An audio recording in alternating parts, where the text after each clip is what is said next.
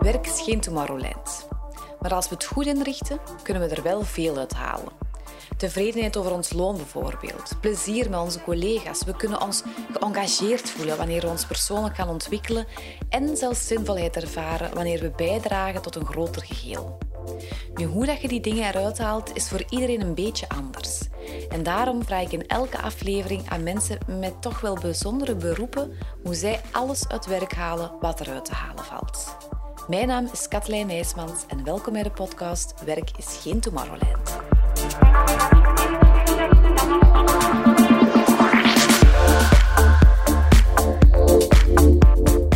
Mijn gast vandaag is Tim Keizers. Tim zegt dat hij op een derde van zijn leven zit. Hij is namelijk van plan om 99 jaar te worden. Hij houdt van koken, van fietsen en van zeilen en binnenkort stapt hij in het huwelijksbootje met Nina. Tim is ook salesmanager bij Streams, de Vlaamse Netflix. En in deze aflevering praten wij over de stereotypen die rond salesmedewerkers hangen. Het zijn haaien, ze hebben hun haar glad naar achter gestreken en ze zijn maar met één ding bezig: geld. Maar is dat wel zo? Is geld het enige wat werkgeluk kan bezorgen? Of is er ook een vorm van zinvolheid nodig, van plezier en van engagement? En we hebben het natuurlijk ook over de wijsheid van zijn vader en die vier dimensies van werkgeluk. Heel veel luisterplezier.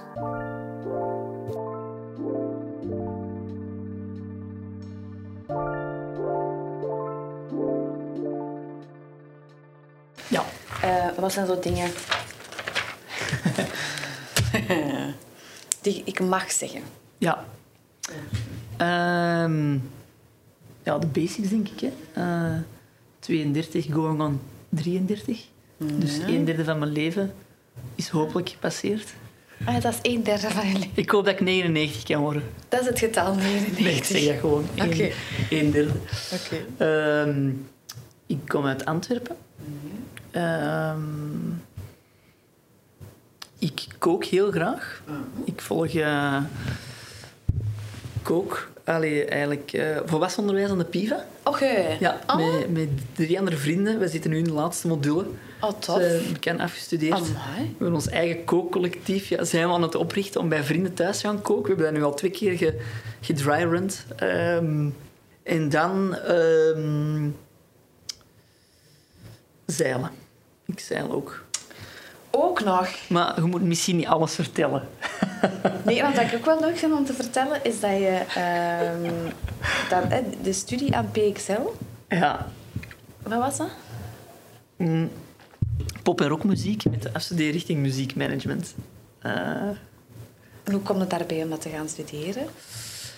Mijn zesde jaar, um, ik zat op Sint College in Kontig. Ja. En die organiseren een schoolfestival elk jaar, Score ook. Ja. Mijn zesde jaar was op studiegebied een rampzalig jaar. Uh, ik was echt hakken over de sloot. En er was eigenlijk niets dat mij motiveerde. En ja, dan kwam die richting daar plots. Ik was ook bezeten door scoren. Er ging al mijn tijd in dat organiseren van dat festival. En dan was ik eerst naar het rits gegaan om te horen... Ja, is er radio of, of, regie daar iets voor mij? En dan was ik aan het vertellen van... Ik wil dit, dit en dit doen. Hè. Ik wil in de muzieksector en dingen organiseren. En dan zei die, die docent zei van... Allee, ja, hier zit je niet op de juiste plaats. Er is nu een nieuwe richting in Hasselt. Uh, pop- en rockmuziek.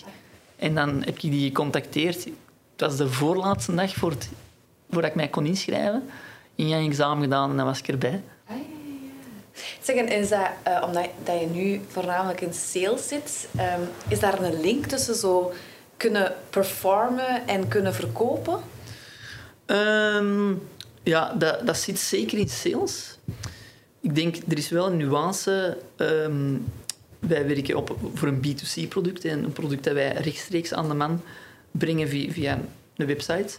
Het is niet dat wij ons product bijvoorbeeld zoals uh, hardware, zoals een Sony TV, dat wij dat moeten verkopen aan een Van den Born of een Krevel en dat die dat nog eens doorverkopen. Consumenten kunnen dat rechtstreeks bij ons afnemen.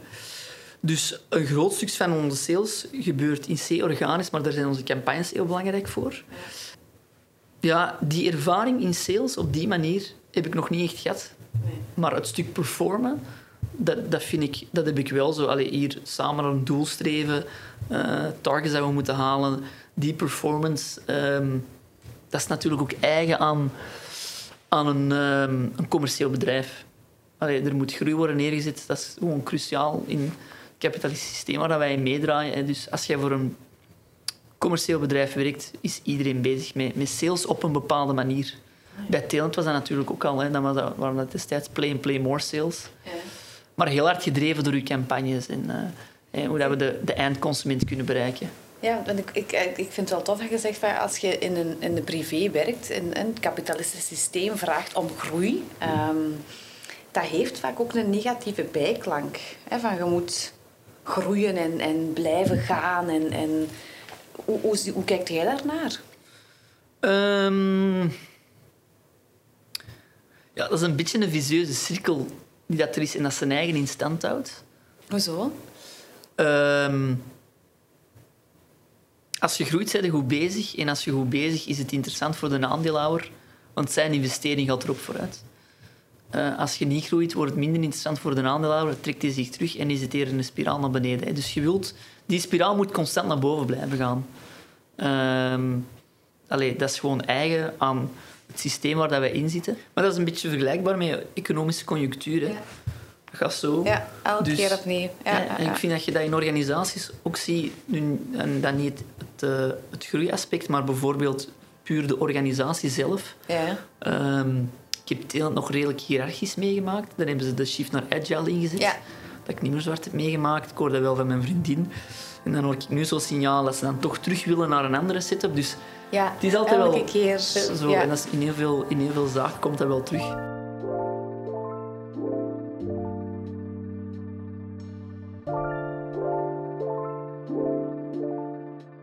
Zeg, ehm, hoe ziet zo'n eh, een gemiddelde werkdag eruit bij u?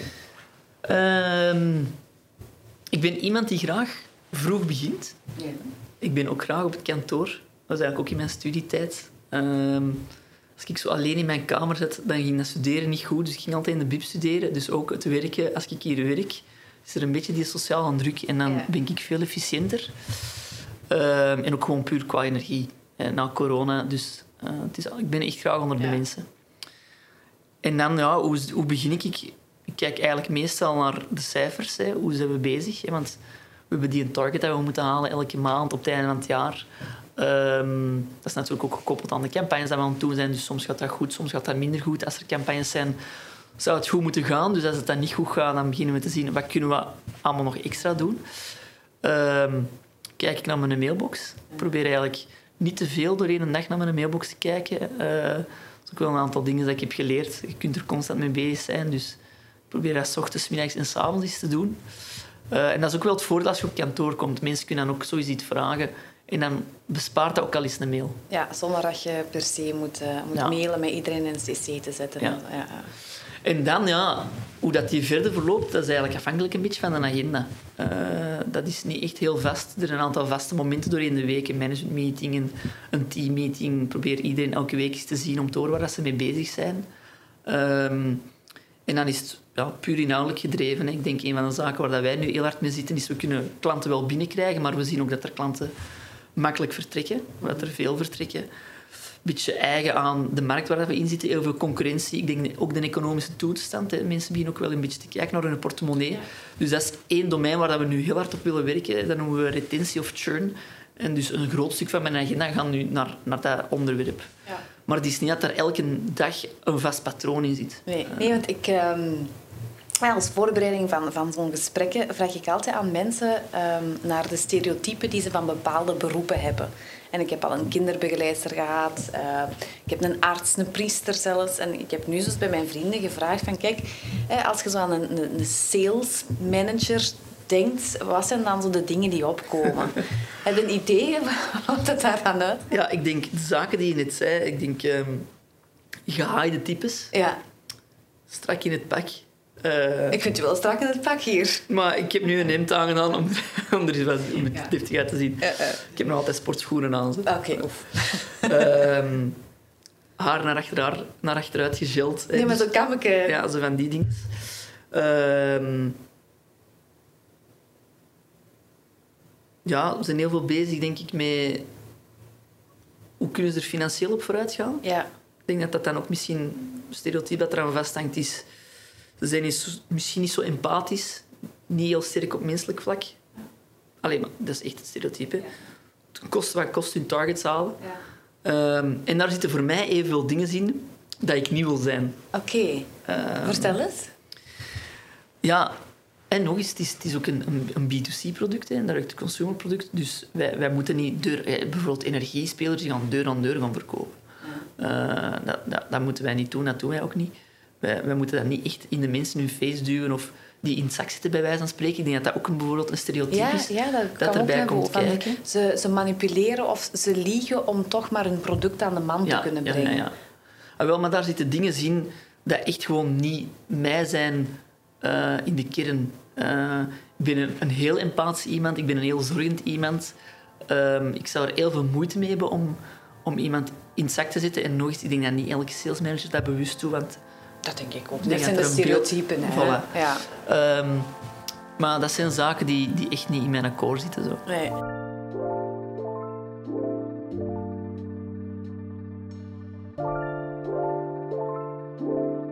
Nee, want als ik daar dan over nadenk, hè, je, je- weet, hè, bij Housework zijn wij, wij heel sterk bezig met, met werkgeluk en met vier dimensies. Hè. Je Ja, hebt de ja, ja. dimensie van die tevredenheid, eh, plezier, engagement en zinvolheid. En als je dan naar die vier kijkt, ehm, dan, wat ik me dan afvraag, is kan, kan iemand die producten verkoopt zinvolheid ervaren? Als dat niet per se producten zijn om, ehm, ja, weet ik veel, ehm, meteen bij te dragen aan de maatschappij. Ja. Ik vind van wel, maar het is ook een beetje verbonden aan de context waar ik in zit. Eh, Ik denk, dat het tweeledig is. Eén, eh, ik vind wel dat we een zinvol product verkopen, omdat we natuurlijk mensen eh, eh, een escape van de dagelijkse sleur soms kunnen bieden.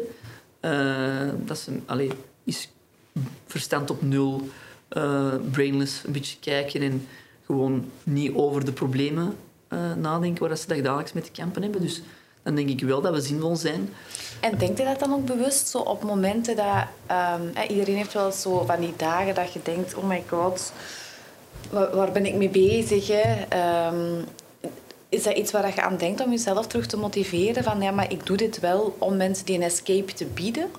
Een beetje. Wat dat mij veel meer eh, drijft, en dat is dan reden twee, wat dat mij het, zin, echt zin, het zinvol maakt, is het team waar ik mee werk. En ik voel wel, het is, het is een jong team hè, bij Streams. Het is ook nog een jong bedrijf, hè, dus dat is ook wel normaal. Ehm, maar ik zie daar mensen groeien, mensen vooruit gaan. Eh, dat geeft mij eigenlijk evenveel zingeving. Ehm, Omdat je echt mensen in je team kunt helpen. ja, ja. Ah, ja. Ik, allee, ik denk soms dat er aan mij een, een goede leerkracht verloren is gegaan. Ah, Ehm, en dat kom ik wel een beetje terug. Zo, dat kunnen vertellen en met mensen kunnen sparren en die vooruit zien gaan. ja. En die dingen laten bijleren. Ook omgekeerd, dat ik van hun bijleer. Dat geeft mij eigenlijk heel veel... Dat is wel wat zingeving op het werk. ja. Oké. Maar het is meer als gewoon... Allee, als je zegt van... Doe er nu... iets- Draag dit zinvol bij. Ja, je kunt dat voor heel veel commerciële bedrijven de vraag stellen of dat, dat wel effectief het geval is. Dus vandaar dat je dat wat breder moet bekijken. Of dat ik dat probeer te doen, toch? Dus je reikt eigenlijk de definitie van, van zinvolheid. Nu, pas op, dat komt ook wel terug uit eh, het onderzoek, want je kunt dat echt- op twee verschillende manieren gaan bekijken. Ehm, want soms komt daaruit dat, dat 60% eh, van de mensen hun werk zinvol vindt. En dan denk ik, boh, dat is toch wel veel. En dan zie je dat heel veel mensen al het, het feit dat ze werken, hè, ze dragen, door te werken betaal je belastingen, je draagt bij aan de maatschappij en je hebt je collega's inderdaad.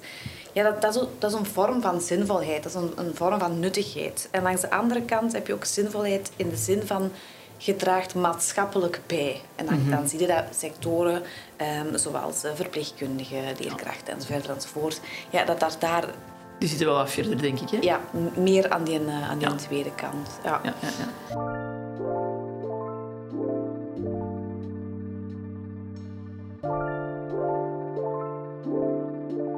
Als ik u zou vragen om zo'n algemeen cijfer te geven over hoe gelukkig dat jij bent met jouw baan. Dat is werktevredenheid dan, hè? Gewoon in het algemeen. Nee, dat is een kenner, ongelooflijk. Gewoon in het algemeen. Je zit op café en eh, eh, je bent een punt aan het pakken en vrienden zeggen vragen van... Geef eens een cijfer in het algemeen. Ik denk dat ik nu een 8 zou geven. En waarom de, de nadruk op nu? Ehm, ja, nog eens. Het is een beetje een rollercoaster. Hè. Ehm, sommige mensen zijn er gevoeliger aan dan anderen. Ehm, ik ben er een klein beetje gevoelig voor. Ik denk dat ik het afgelopen jaar mijn eigen het allerbeste heb leren kennen. Het was eigenlijk een, eh, een heel interessant parcours sinds de opstart van streams. We zijn hier met twintig man begonnen. Uh, de dingen die wij in het begin hebben gedaan, ja, dat, dat was gewoon een bedrijf opzetten, klaarzetten met heel grote verwachtingen. Um, met heel veel mensen dat we kenden, ook nieuwe mensen, allemaal snel aan boord gekomen. Dus het was heel veel verandering op korte tijd. En nu ook denk ik de, de laatste weken, maanden ook.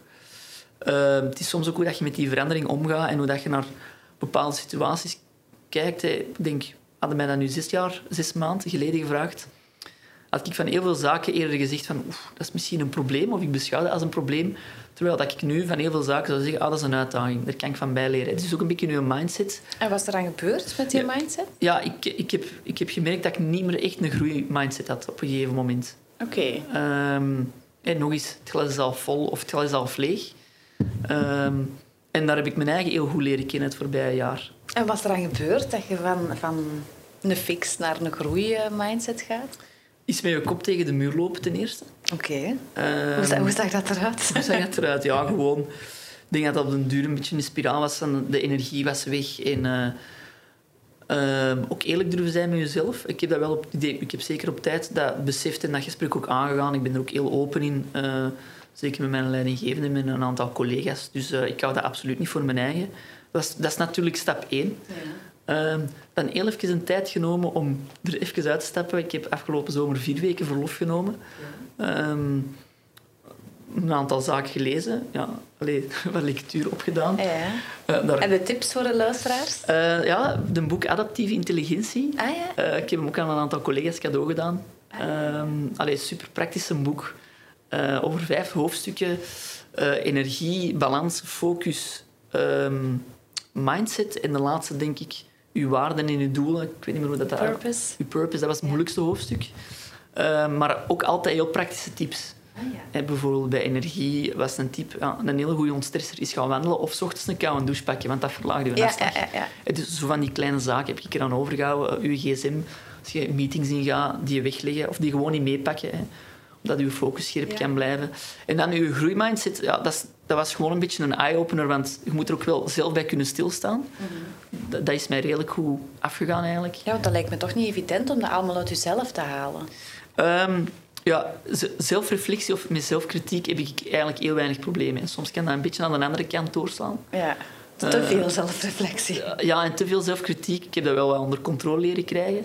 Dus dat is nooit mijn grootste moeite geweest. Allee, ik heb collega's gehad, niet hier, maar in een groot bedrijf waar ik ervoor zat. Bij Talent werkte met heel verschillende profielen. En daar er zijn mensen waar je dat gewoon van merkt. Voor de een is dat makkelijker dan de andere. Ja. Um, en wat nog? Wat heb je nog gedaan? Um, ja, ik denk dan ben ik een beetje met een verse start hier teruggekomen. Alleen een verse start gewoon... We gaan er terug in vliegen, ja. stelselmatig op het gemak en de dingen op mij af laten komen. Um, en ook ja, niet, te proberen, niet te veel proberen te piekeren over de toekomst en ik wil hier staan tegen dan. Uh, ik denk dat dat eigen is aan veel jonge mensen nu, met alle prikkels die we hebben, alle verwachtingen die worden gesteld. Um, dat je soms ook sneller wilt lopen dan je schaduw. Ja.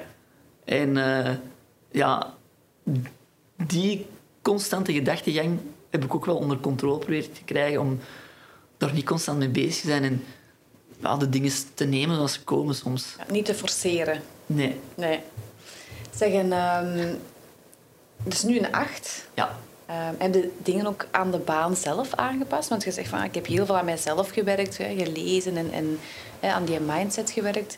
Zijn er dingen die je aan de baan zelf hebt aangepast?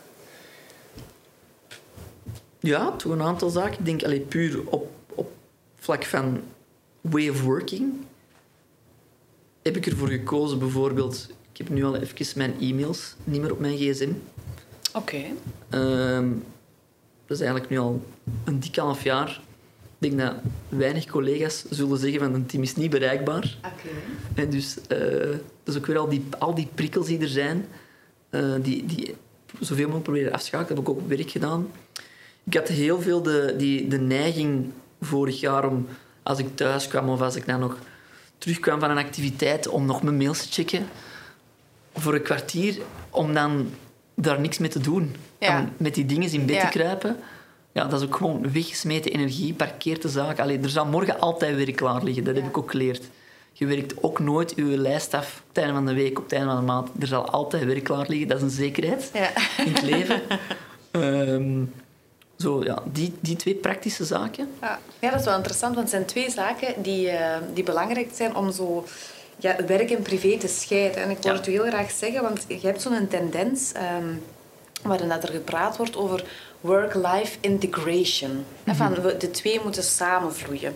Terwijl als je kijkt naar onderzoek, ehm, dat we toch kunnen zeggen dat het belangrijk is om daar een scheidingslijn tussen te hebben. Eh, en om je werk af te bakenen. En inderdaad, de, de- als je je mails checkt op, op de avond en je doet er toch niks mee, ja, dan gaat er alleen maar mentale clutter van, eh, van Absoluut. maken. Hoe, hoe, als, eh, die, die werktevredenheid, die werk ehm, en, en, en privé scheiden, dat is een heel belangrijk aspect van werktevredenheid. En dat is inderdaad één van die vier dimensies. Als ik specifiek daar naar een cijfer zou vragen, van puur, het gaat over eh, de scheiding van, eh, van die twee, het gaat over loon, het gaat over het feit dat als je tegen je eh, vrienden en familie kunt zeggen wat dat jij doet, hè, dat je content bent. Welk cijfer zou je dan geven? Ik denk, ik denk dat ik dat ook wel dat- een 7,5 en 8 geef, ook, denk ik. Ja. Is dat, is dat het gemiddelde, omdat je zegt van in het algemeen is het ook een 8? Of Ja. wat is het verschil? Ehm,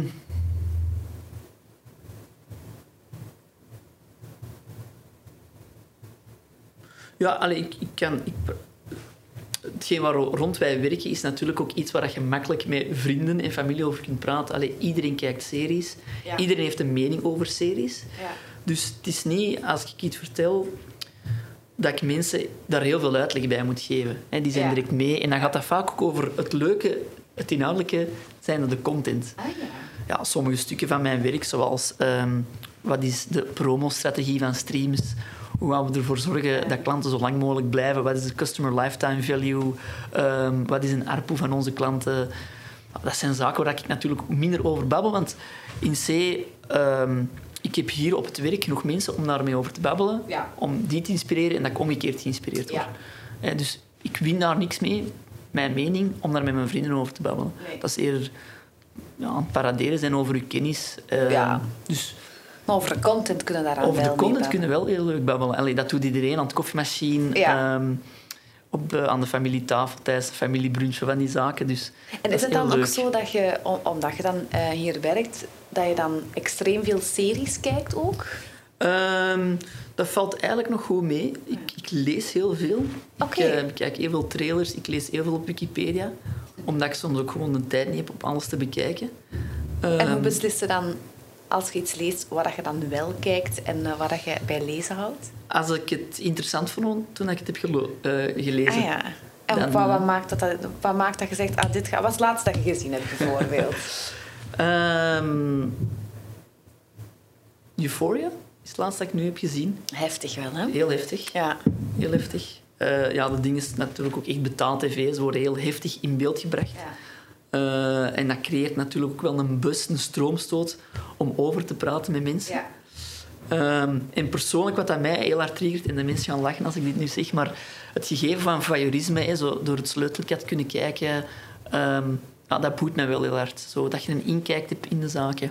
En waarom Dus- gaan mensen daarmee lachen als je dat zegt? Ja, ik, dat is altijd een beetje mijn pleidooi met wat dat ik een van de drijfveren vind van nu goede content. Hè. Documentaires. Ehm, bijvoorbeeld op, op Netflix had je The Last, Dan- The Last Dance met Michael Jordan. Dat je zo ziet hoe dat de laatste jaar was. eh, bij Stream, zo langs een documentaire over de jaren van Obama. Dat je ook echt inkijkt van de mensen dat ermee Ja. hebben samengewerkt. Ehm, waar gebeurde verhalen. eh, gefictionaliseerd. Dat vind ik ook heel interessant. Dat is altijd een beetje geromantiseerd. Wat is er waar en wat is er niet waar? Maar het doet dus zo'n beetje dromen en denken. Ehm, zo politieke verhalen vind ik altijd... Allee, dat zijn de dingen die ik interessant vind. En is natuurlijk ook een beetje zo... Het is soms wat juicy ook. Ja. Hè?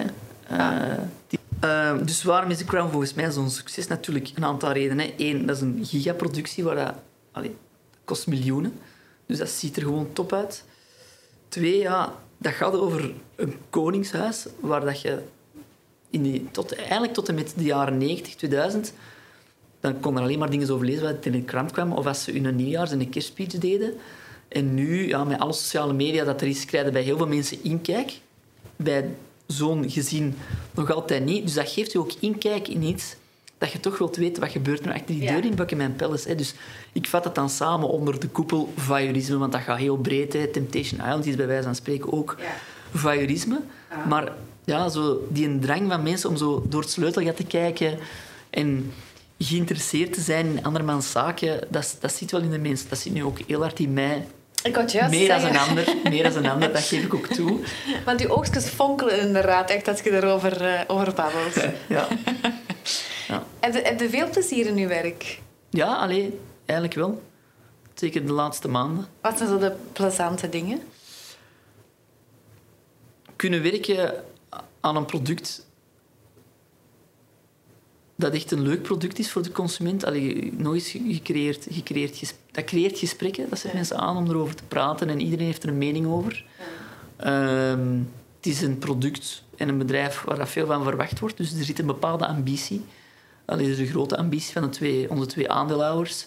En ik ben wel iemand die ook wordt gedreven door ehm, ja, een beetje performance. En als er, als er belangrijke mensen...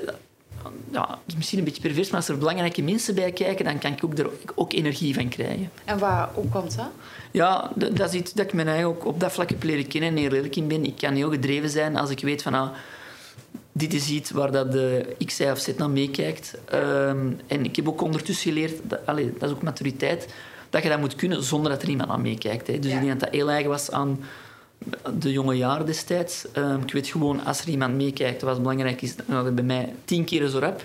Maar ondertussen heb ik ook wel geleerd, ja, de andere zaken, er moet niet altijd iemand meekijken over je schouder, of moet niet altijd iemand zeggen van, dit is belangrijk, of een schouderklopje geven. Die, mo- die motor moet zelf ook in gang kunnen trekken en houden. Maar dat, engagement om, om te streven, om te gaan, dat wordt wel sterker als er um, voyeurisme is misschien. Ehm, ja, in deze geval voyeurisme, vind ik voyeurisme niet de juiste term, want dat zou voor mij willen zeggen dat, ze zich, dat iedereen zich met alles gaat beginnen Ja, moeien. ja. Maar er is wel het geloof uitgesproken van oké, wij willen een bepaalde positie halen in de Vlaamse markt. Ehm, om daar echt een groot succes van product dat daarvan te maken. We zijn ook wel eh, daar de juiste stappen aan het zetten, denk ik. Eh, en, ja, dat geeft wel een drive. Allee, Ja. als, het, als Telenet en DPG, de grootste telecomoperator en de grootste mediabedrijf in Vlaanderen, samen met hun capaciteit en het team hier bij Streams dat niet tot dat succes kunnen brengen, dan kan niemand anders dat. Nee. Dus we zitten wel met de juiste mensen rond tafel om dat te kunnen doen. En dat, dat geeft mij heel veel goesting, maar ik denk ook iedereen hier bij Streams. Ja. ja, want dat merk ik wel. Ik heb al met verschillende van jouw collega's kunnen spreken. En ik merk wel dat dat, dat engagement om er iets... Ja, die ambitie, die is er ongelooflijk. hè. Mensen werken hier ook ongelooflijk hard, Ja. eh, denk ik. Krijgen ook heel veel van zichzelf in, eh, in de baan. En ik vraag me dan af, gaat dat dan soms niet ten koste van... Ja, de... de ja, fun. Ehm, dat denk ik niet, toch niet bij streams. Allee, ehm, er is ook heel veel plezier als het bijvoorbeeld soms niet goed gaat. Dus het fun aspect is er zeker. Zit bij ons in, in een aantal kleine zaken. We hebben bijvoorbeeld een happiness coach elke maand. Eh, iemand dat verantwoordelijk, verantwoordelijk is voor een beetje de, de randanimatie. Wat heeft eh, iemand vorige maand gedaan? Dat was Jolien. Het was complimentendag. Zij heeft er complimentenmaand van gemaakt. Zij heeft van iedereen een envelop gecreëerd op, op een muur gangen. En dan waren er kaartjes dat we aan elkaar complimenten konden geven.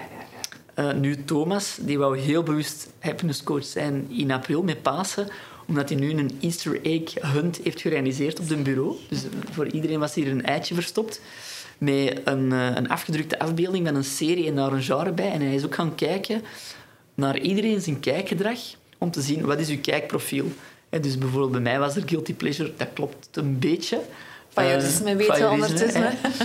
Dus eh, ja, dat zijn heel fun aspecten. Ah ja. Waar dat iedereen ook naast het werk dat ze moeten doen voor streams, ook met heel veel plezier tijd vrijmaken om, om andere dingen te doen voor streams. En eigenlijk die sfeer en die cultuur hier ehm, verder te doen groeien en, en in gang te houden.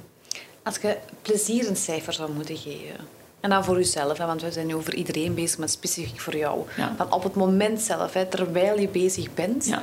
welk cijfer zou je jezelf daar geven? Hangt af van situatie tot situatie, dus dat, dat geef ik. Dat zit tussen een 6 en een 8. Ik zou dus nou, gemiddeld landen op 7. Ehm, ik denk als ik met de mensen bezig ben, eh, als we kunnen brainstormen, ik ben ook een geel insights profiel, geel-rood. Ehm, heel veel plezier.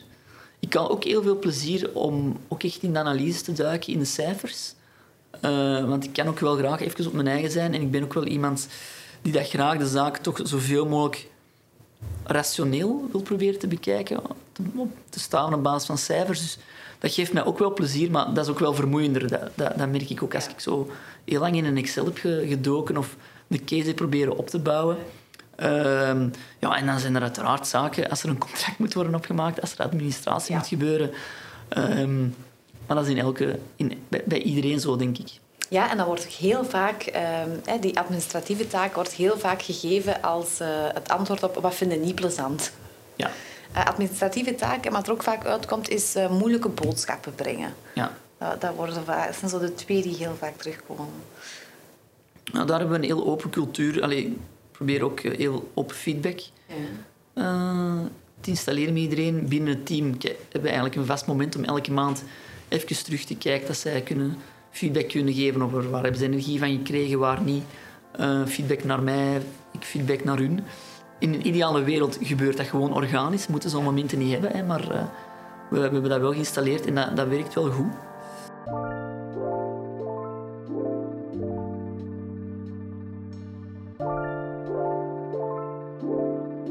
Ça va.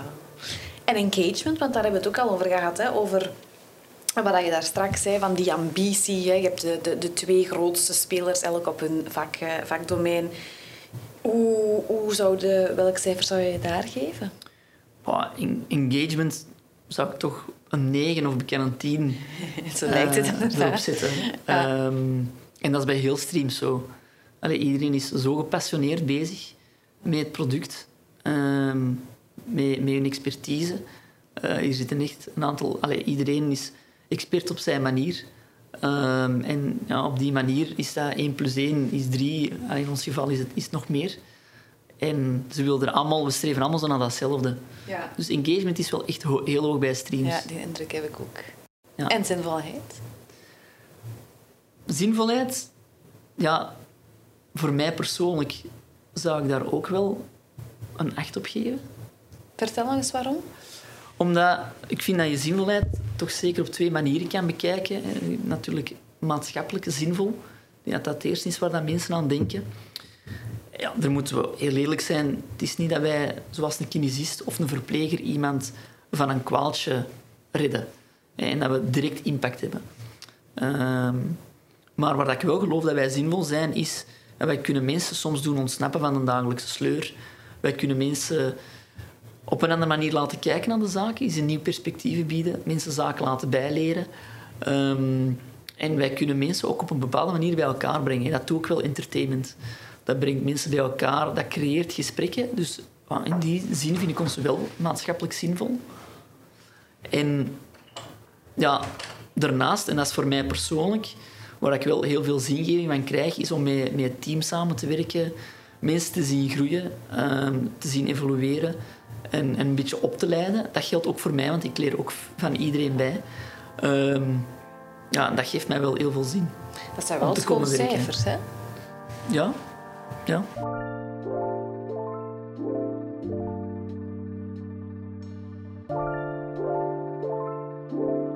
Is uw droombaan? Ehm, ik denk dat als iemand begint te werken, heeft niemand een idee wat ze exact wil doen. Ik wist dat ik in de media wou werken en in entertainment. Ik wou eigenlijk acteur worden, dus ik ben een B-acteur dat op een bepaalde manier toch... eh, Maar dan pop en rock en dan muziekmanagement dat en heeft acteur. altijd wel en- zo'n beetje in de entertainmentsector sfeer En, stel je nu voor ehm, dat ik nu u de kans zou geven van kijk, je moogt nu acteur worden. Ehm, ik kan je niet beloven dat, dat je het gaat maken, maar voilà, hier is de kans. Zou je het doen? Ja, op deze leeftijd niet meer. Op deze leeftijd. Nee, nee, omdat ik heb nu een bepaalde richting gekozen en ik, wil daar ook wel in verder gaan. Ja. Misschien... eh, nee, nee, nu niet. Ik had eigenlijk destijds het ingangsexamen in mijn teiling eens moeten proberen Ja. om te zien of dat gelukt of niet. Ik heb die keuze Ik heb de keuze genomen om dat niet te doen. Eh, om meer verder te gaan. Alleen toen ook wel... Ja, wat niet heel academisch, hè, pop, pop- en rockmuziek. En dan uiteindelijk een beetje meer traditionele pad gevolgd. Een academische opleiding bij een grote, Ja. een grote mastodont gaan werken. Maar wel altijd rekening gaan met wat ik graag wil doen inhoudelijk. En dat is het entertainment aspect. Allee, ik zou bijvoorbeeld nooit of te nooit auto's kunnen verkopen. ehm, daar marketing voor doen. Dat is absoluut Dan zou je die zinvolheid misschien ook niet zo voelen zoals je Ja. ze nu voelt. Ja. Ik beperk daar natuurlijk ook wel heel hard met een scope mee van wat ik hierna zou kunnen gaan doen. Eh, want ja, de media-entertainmentsector is, is klein in Vlaanderen, maar nog eens, wat ik in het begin zei, ik probeer er allemaal niet te veel over na te denken. Enjoy the, ri- the ride while it lasts. Ja. En ik geniet er nu heel hard van. Ja. Als je de luisteraars een tip zou kunnen geven rond werkgeluk, hè, want je ziet er inderdaad heel erg werkgelukkig uit. Eh, wat, wat zou dat dan zijn? Ehm, een tip, ik heb zo ene quote, want dat is een quote van mijn vader. Dus, Ja, vertel eens. Hoe heet je vader? eh, Mark. Mark. Oké, een quote van een Mark. Maar dat is ook een quote die ik hier zo vaak doe, maar eh, ik vind die wel altijd van toepassing. Nou, gisteren is er vandaag en morgen. Geniet van vandaag en bouw aan morgen. En dat is eigenlijk wat wij hier echt wel doen bij streams. Ik vind dat iedereen heel hard geniet van wat we dagdagelijks doen. En dat we daar tegelijkertijd mee bouwen naar, naar de toekomst toe. Dus dat is niet echt een tip, maar dat is een beetje zo'n een lijfspreuk dat ik vind dat hier van toepassing is. Ze gaan met mij lachen als ze dit horen. Ehm, en een tip dat ik kan geven... Ja, wat ik ondertussen voor mezelf heb geleerd, ik zei het er straks ook, is de dingen soms nemen zoals ze komen. Ehm, en niet, niet te veel proberen te pieken over als ik nu een beslissing aanneem, dan sluit ik per definitie de kans ooit uit om B, C en D te doen. Dat is niet waar. Allee, dat is mijn overtuiging, ik kan er niet van meespreken, want ik ben gekomen vanuit een groot bedrijf Telenet, mee geëvolueerd. Dus in C heb ik nog nooit echt iets anders gedaan, maar ja, ik denk dat we nu allemaal wel bepaalde zaken, expertise opbouwen, die dat in heel veel verschillende bedrijven en andere sectoren van toepassing zouden kunnen zijn. Ehm, dus dat is een tip dat ik geef. Maar ik denk dat dat ook een deel is van maturiteitsproces waar dat iedereen een beetje moet doorgaan.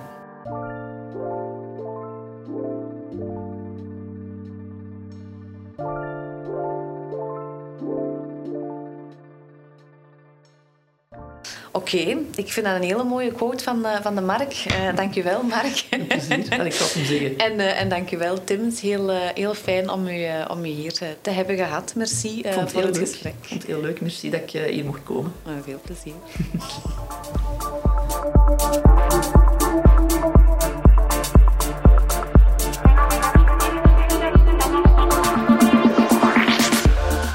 Na gisteren is er vandaag en morgen. Dus geniet van vandaag en bouw aan morgen. Dat zijn de wijze woorden van de vader van Tim, van Mark. Tim heeft het zelf ook een aantal keer gezegd. Ik denk dat het heel belangrijk is om veel na te denken over je carrière. Om na te denken wat je wil, waar je naartoe wil, waar je gelukkig van wordt. Het is natuurlijk slim om dat te doen, maar het kan ook zorgen voor een soort van tunnelvisie. Soms is het ook belangrijk om de dingen ook te nemen zoals ze komen, zoals Tim zelf zei. Dus het kan helpen om te noteren voor jezelf per dimensie wat de bronnen zijn van werkgeluk en waar je op dit moment blij mee bent. Wat maakt jou tevreden? Wat geeft je plezier? Wat zorgt voor jou voor engagement en hoe haal jij zinvolheid uit je baan? Er is niets mis mee om ook even blij te zijn met de dingen die je hebt. Ik ben natuurlijk super benieuwd naar wat jij van deze aflevering vond. Dus laat het ons zeker weten um, via www.werkisgeentomorrowland.be. Daar kan je je ook inschrijven uh, op de nieuwsbrief. Um, en volg ons zeker op Instagram onder dezelfde naam. Tot de volgende!